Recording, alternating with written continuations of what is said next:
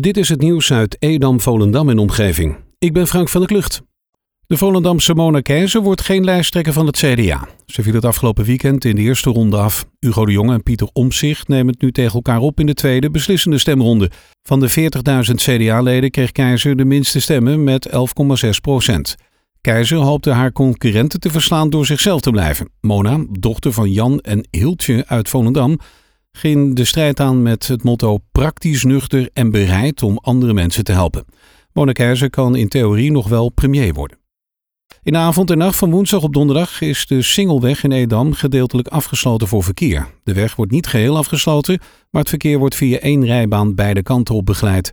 Fietsers worden wel met beboording omgeleid over de Zuidervesting. Ze passen de in- en uitrit aan het parkeerterrein aan, verplaatsen de rijbaan gedeeltelijk en de middenberm wordt ook geasfalteerd. Met een onthulling van een plaket vierde FC Volendam en amateurvereniging RKAV Volendam zaterdag hun 100-jarig voetbalbestaan.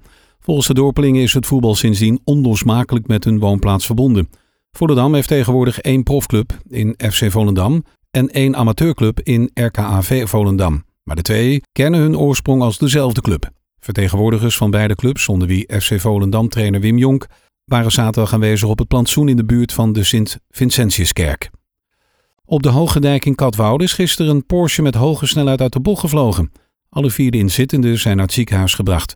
De auto reed dwars door een heg heen en is over de kop geslagen en kwam op zijn dak in een sloot terecht. Buurtbewoners hebben de vier inzittenden uit de auto gehaald. Er kwamen vier ambulances ter plaatse. De politie is met de inzittenden meegereden naar het ziekenhuis. Op de Hoopbredeweg in Middenbeemster is zaterdagmiddag rond 1 uur bij een ongeval een auto in de sloot beland. Een tweede auto raakte flink beschadigd. Een auto reed een erf af, waarna een andere auto er achterop botste en in de sloot gleed. Beide bestuurders zijn ter plaatse nagekeken door ambulancepersoneel, maar hoefden niet mee naar het ziekenhuis. De auto's zijn alle twee totaal los.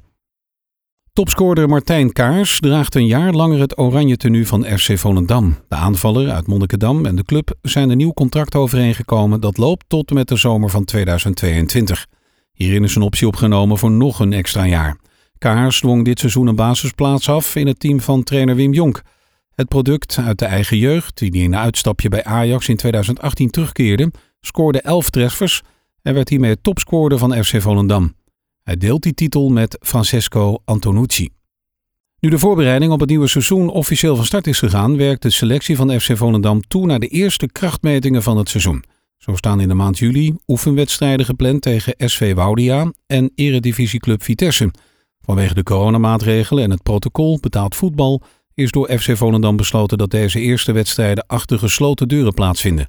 Wel onderzoekt de club de mogelijkheid om de wedstrijden live via een website en social media uit te zenden. De huur- en de aannemersovereenkomst voor het Gymsportcentrum in Volendam is ondertekend. Namens de gemeente waren de wethouders Albert Koning en Vincent Tuip aanwezig om een handtekening te zetten. De aannemersovereenkomst is ondertekend door vertegenwoordigers van aannemer Mercuurbouw. Voor de toekomstige huurders waren het club- en buurthuiswerk en turnvereniging Mauritius aanwezig om hun handtekening te zetten. Eerder was er al een huurovereenkomst ondertekend met Budo Centrum Fun Fit.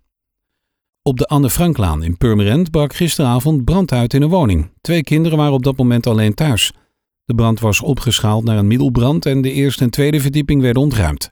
De kinderen zijn allebei nagekeken door ambulancepersoneel, maar hoefden niet naar het ziekenhuis. Tot zover het nieuws uit Edam, Volendam en omgeving. Meer lokaal nieuws vindt u op de Love Kabelkrant, onze website of in de app.